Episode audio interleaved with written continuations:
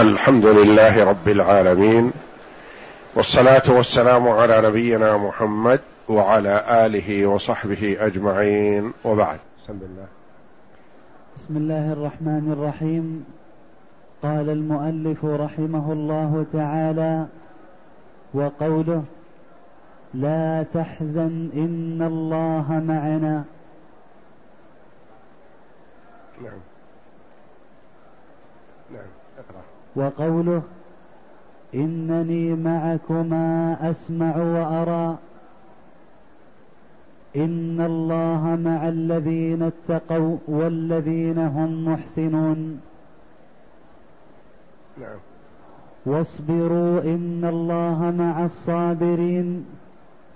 كم من فئة قليلة غلبت فئة كثيرة بإذن الله والله مع الصابرين بركه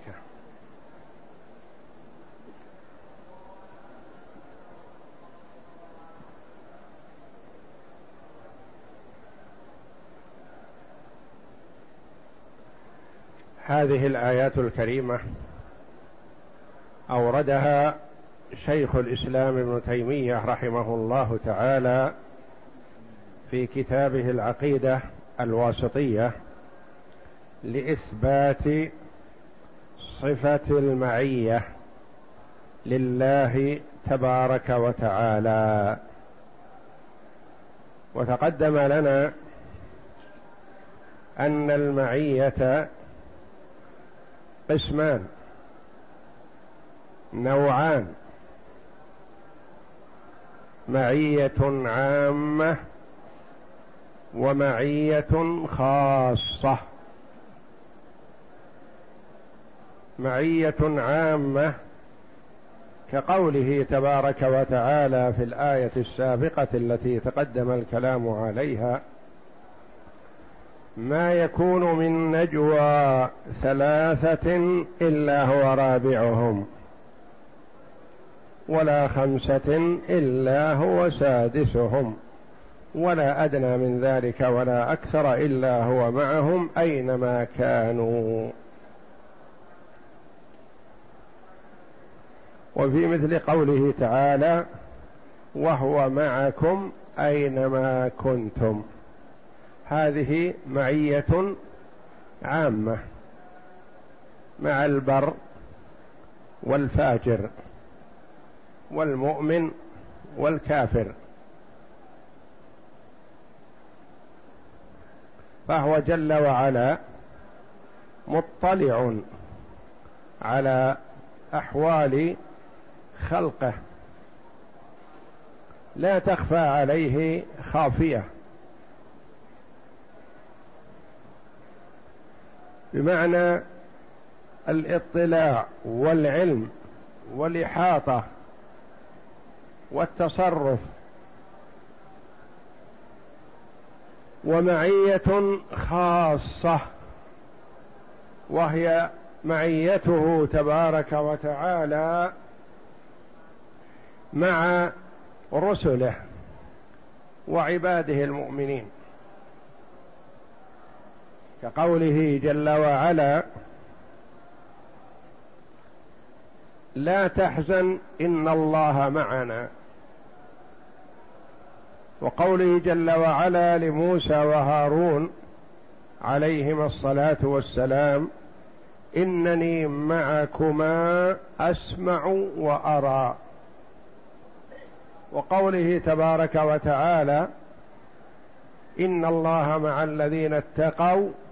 والذين هم محسنون وهذه الايات التي اوردها المؤلف رحمه الله تعالى وسمعناها هذه في المعيه الخاصه ليست مع الناس كلهم وانما هي مع من ذكر الله تبارك وتعالى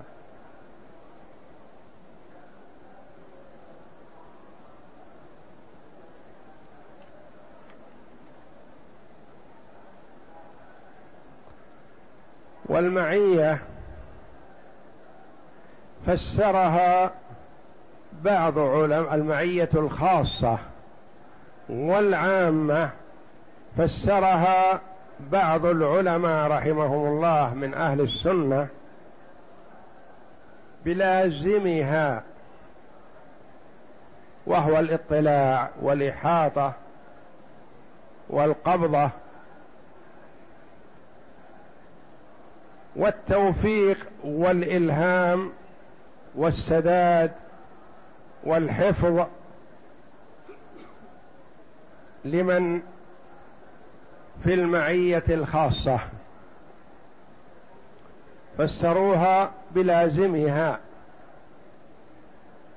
وهذا معنى صحيح ودرج عليه كثير من علماء السلف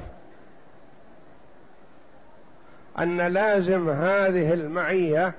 هو الاحاطه والاطلاع والعلم بالنسبه للخلق عامه والحفظ والسداد والتوفيق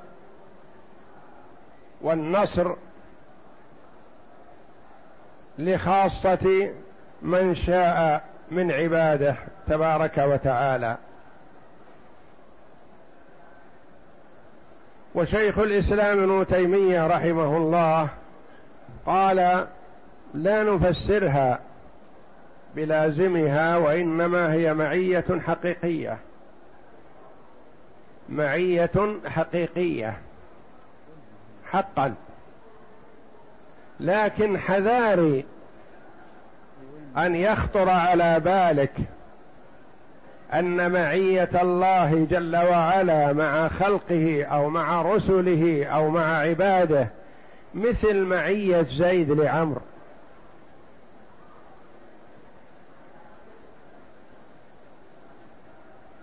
لا يخطر على ها البال هذا لا يخطر هذا على البال لأنه هلاك وضلال وإنما على العبد أن يؤمن بالمعية حقيقة وينزه الله جل وعلا عما لا يليق بجلاله وعظمته فمعيه الله جل وعلا لمن شاء من خلقه اي نوع من انواع المعيه لا يخطر على البال انها مثل معيه زيد لعمرو لان صفه الباري جل وعلا تليق به مثل علم الله جل وعلا وسمع الله وبصره يليق به وعلى قدره تبارك وتعالى وعلم المخلوق وبصره وإرادته ونحو ذلك على قدره فكذلك المعية معية الله جل وعلا لمن شاء من خلقه تختلف كثيرا عن معية زيد لعمرو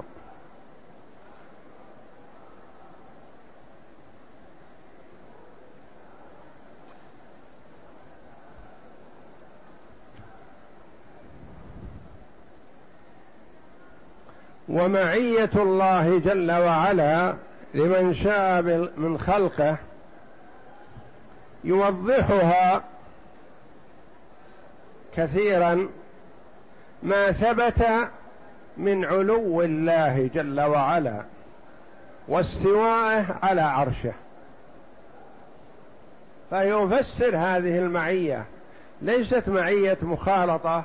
او ممازجه أو يحويهما مكان ونحو ذلك لا الله جل وعلا ثبت بالكتاب والسنة وإجماع من يعتد بقوله من علماء المسلمين أن الله جل وعلا مستو على عرشه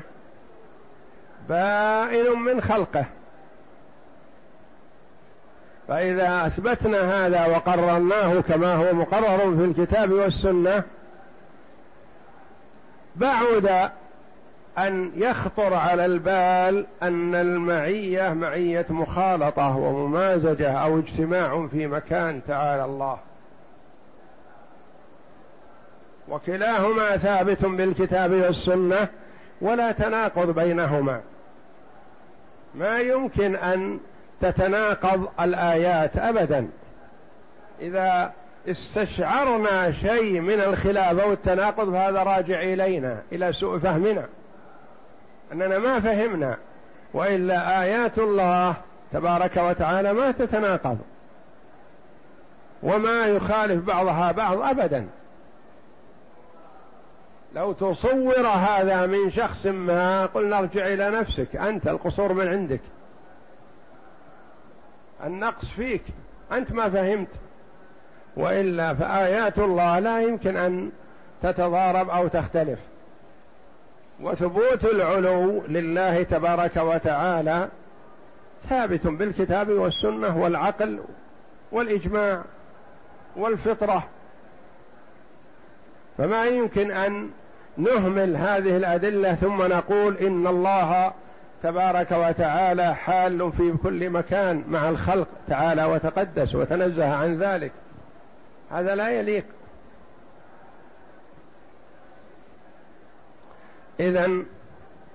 فسواء فسرنا المعية بلازمها أو قلنا إنها معية حقيقية فحذاري أن يخطر على البال ان معيه الله جل وعلا لخلق مع خلقه كمعيه زيد لعمر لا هذا ما يتصور يعتقده الا الجاهل فمعيه الله جل وعلا لخلقه سبحانه على ما يليق بجلاله ثم ان معيه المخلوق للمخلوق يقال معه على انواع ليست نوع واحد قد تكون معيه ممازجه مثل تقول اعطني لبنا ممزوجا بماء او مخلوطا بماء او مع ماء هذه ممازجة ومثل معية في مكان ما مع انفراد كل واحد منهم بذاته مثل معية زيد لعمر في الغرفة كل واحد وحده وهم حواهم المكان هذا في حق المخلوق ومعية القائد لجنده مثلا يقول اذهبوا إلى المعركة وأنا معكم وهو في على أعلى جبل أو في غرفة المراقبة أو في مكان ما ويوجه ويطلع عليهم لو قال اذهبوا وأنا معكم يكون كلامه صحيح وهو في الغرفة ومعية الزوجة لزوجها مثلا يقال هند مع علي مثلا في زي زوجته لكن هند في المشرق وعلي في المغرب ويقال معه بمعنى انها في عصمته هذا تفاوت كبير في حق كلها في حق المخلوق فما بالك فيما هو من صفة الخالق تبارك وتعالى لا يخطر على البال أنها معية كمعية المخلوق مع المخلوق وآيات الاستواء على العرش واضحة جلية وذكرها المؤلف رحمه الله وقال في سبعة مواضع من كتاب الله وكلها صريحة ما تحتمل كما هو ثابت في السنه كما هو ثابت في العقل ثابت في الفطره ثابت بالاجماع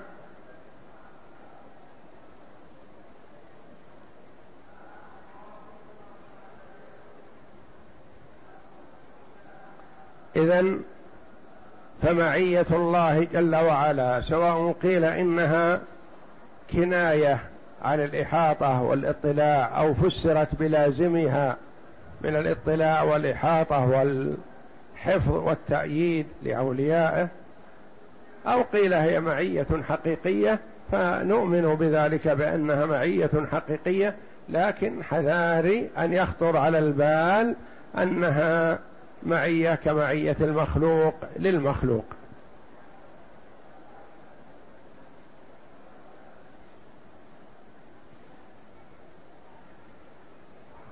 قد يقول قائل هل المعيه صفه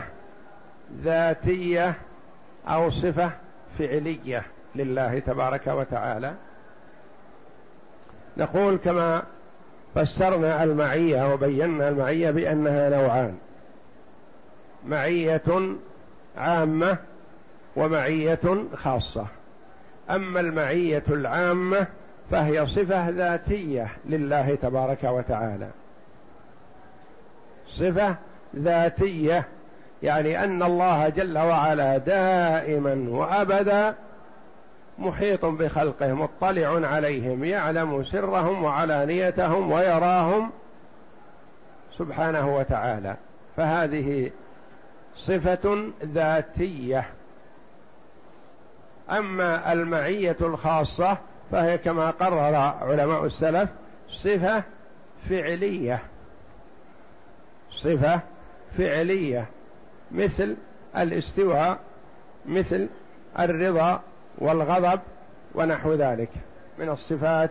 الفعلية التي يتصف بها الباري تبارك وتعالى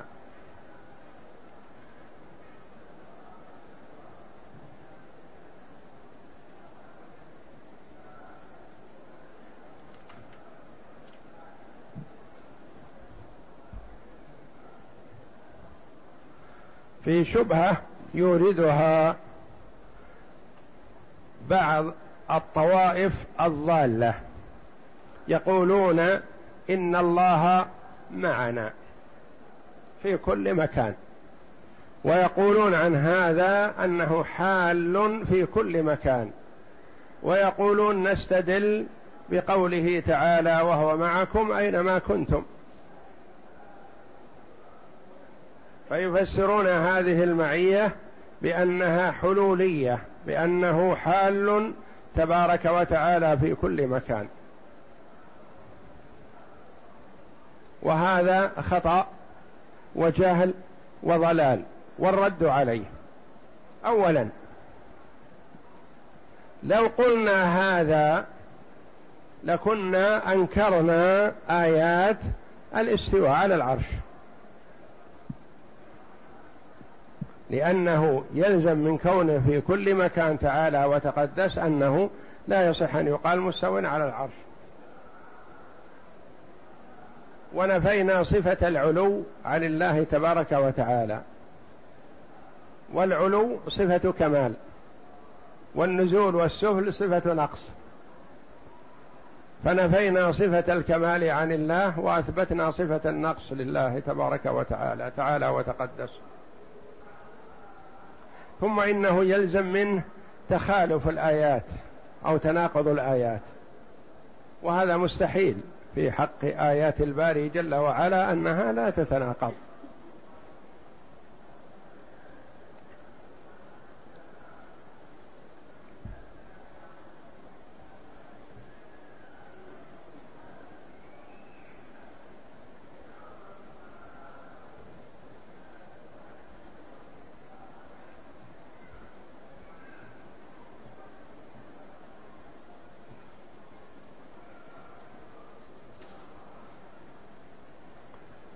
فإثبات العلو لله تبارك وتعالى ثابت بالكتاب والسنه والاجماع والعقل كما تقدم واذا اثبتنا الحلول وان الله حال في كل مكان معناه تناقضت مع ايات العلو والتناقض تناقض الايات بعضها مع بعض هذا من المستحيل لا يمكن ان تختلف الايات بعضها مع بعض وانما الذي يختلف هو فهمنا وادراكنا وما دام انه يستحيل ان تتناقض فنقول اذا صفه العلو ثابته كما هو معروف والله والحلول فيه نقص لأن فيه معنى النزول والسفل ونحو ذلك والله منزه عنه إذا هذا باطل ولا يقبل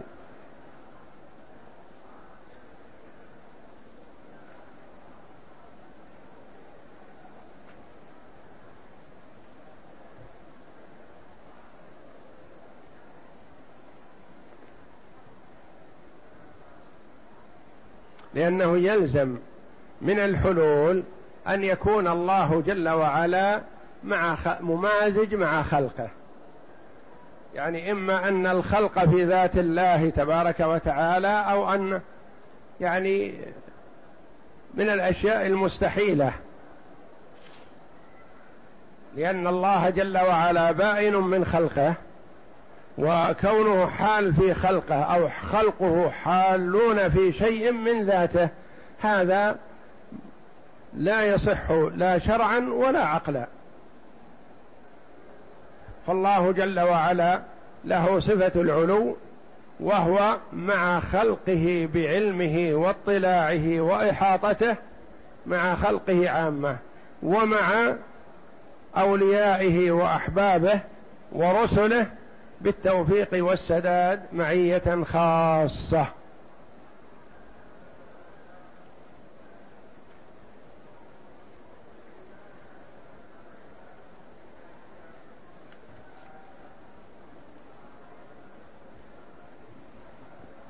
وفي قوله جل وعلا لا تحزن ان الله معنا هذه الكلمه العظيمه قالها النبي صلى الله عليه وسلم قبل ان ينزل عليه القران ان تنزل عليه الايه لابي بكر رضي الله عنه ليطمئنه بأن المشركين لن يظفروا منهم بشيء لأنه لما أراد النبي صلى الله عليه وسلم الهجرة من مكة إلى المدينة ذهب إلى الغار غار ثور فاختفى به صلى الله عليه وسلم وبقي فيه فبعث الكفار اناسا يبحثون عن محمد ومن معه ويأتون به حيا أو ميتا وله ما أعطوا من المكافآت والمبالغ السخية فانطلق الناس يمينا وشمالا يبحثون حتى صعدوا الجبل الذي فيه النبي صلى الله عليه وسلم ووقفوا على باب الغار و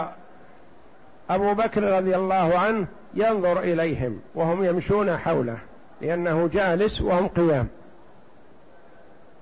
يمشون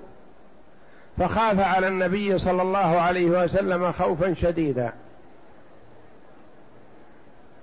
وقال يا رسول الله لو نظر احدهم الى موضع قدمه لابصرنا يعني لو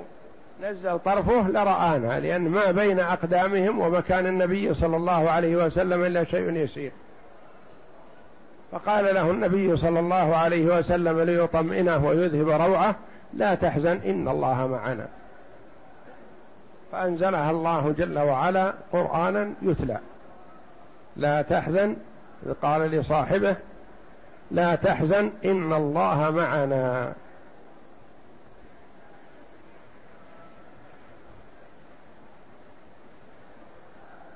والايه الثانيه قوله جل وعلا لموسى وهارون انني معكما اسمع وارى لما ارسلهما الله جل وعلا الى فرعون قال اننا نخاف ان يفرط علينا او ان يطغى قال لا تخافا انني معكما بالتأييد والحفظ أسمع ما تقولانه وأسمع ما يقال لكما وأراكما وأرى عدوكما فلا تخافا فهو جل وعلا مطلع ومؤيد لاوليائه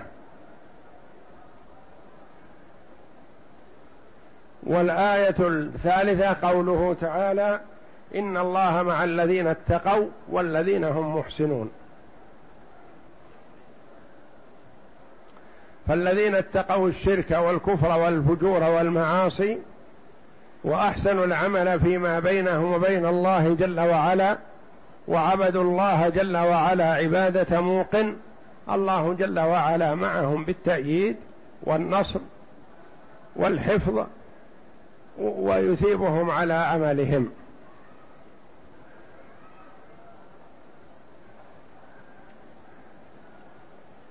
وقوله جل وعلا واصبروا إن الله مع الصابرين يامر الله جل وعلا عباده بالصبر على ما ينالهم من اذى المشركين ووعدهم جل وعلا بانه معهم ومؤيد لهم ان الله مع الصابرين وقوله جل وعلا في الايه الاخيره كم من فئه قليله غلبت فئه كثيره باذن الله والله مع الصابرين كذلك تأييد من الله جل وعلا لعباده وإخبار لهم بأن الغلبة ليست بالكثرة وإنما الغلبة بتأييد الله جل وعلا وحفظه ونصره فيقول جل وعلا كم يعني كثير من الفئات القليلة غلبت الفئات الكثيرة كما حصل في وقعة بدر ثلاثمائة وبضعة عشر غلبوا ما يزيد على ألف رجل مع كثرة السلاح وكثرة العتاد مع الألف وقلة السلاح والعتاد مع الثلاثمائة فنصرهم الله جل وعلا وأيدهم ومحق وهزم أعداءهم كم من فئة قليلة غلبت فئة كثيرة بإذن الله بتأييد الله ونصره وذلك أن الله جل وعلا مع الصابرين والله جل وعلا يعطي الصابرين الثواب الجزيل وكما تقدم لنا ان الصبر على ثلاثه انواع صبر على طاعه الله وصبر على عن معصية الله وصبر على أقدار الله المؤلمة وكلها وعد الله جل وعلا عليها الصبر في قوله إنما يوفى الصابرون أجرهم بغير حساب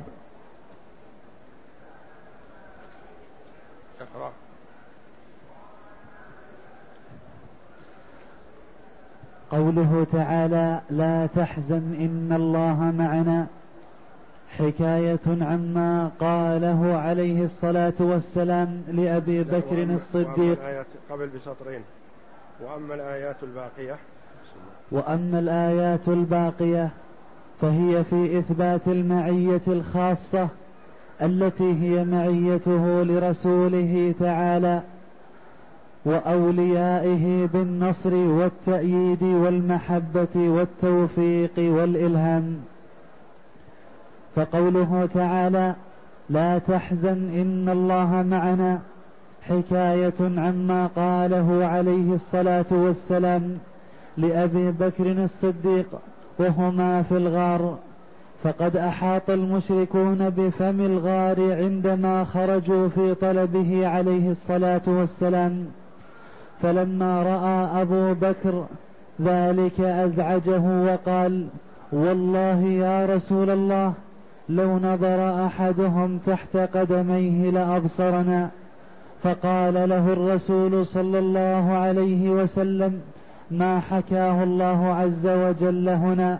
لا تحزن ان الله معنا فالمراد بالمعيه هنا معيه النصر والعصمه من الاعداء واما قوله إنني معكما أسمع وأرى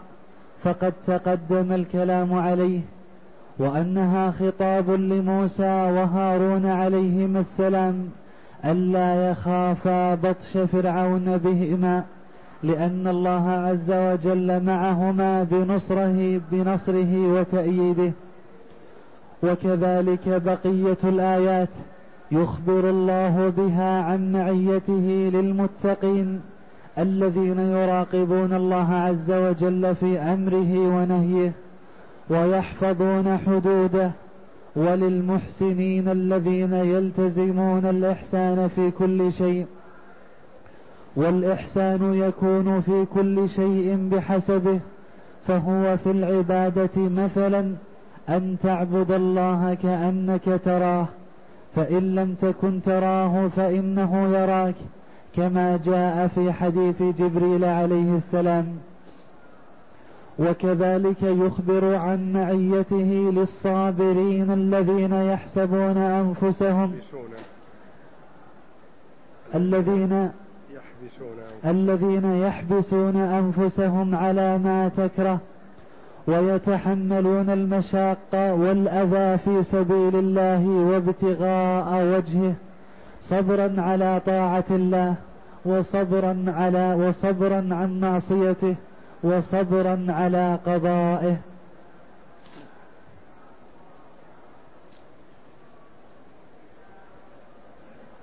والله اعلم وصلى الله وسلم وبارك على عبده ورسوله نبينا محمد وعلى اله وصحبه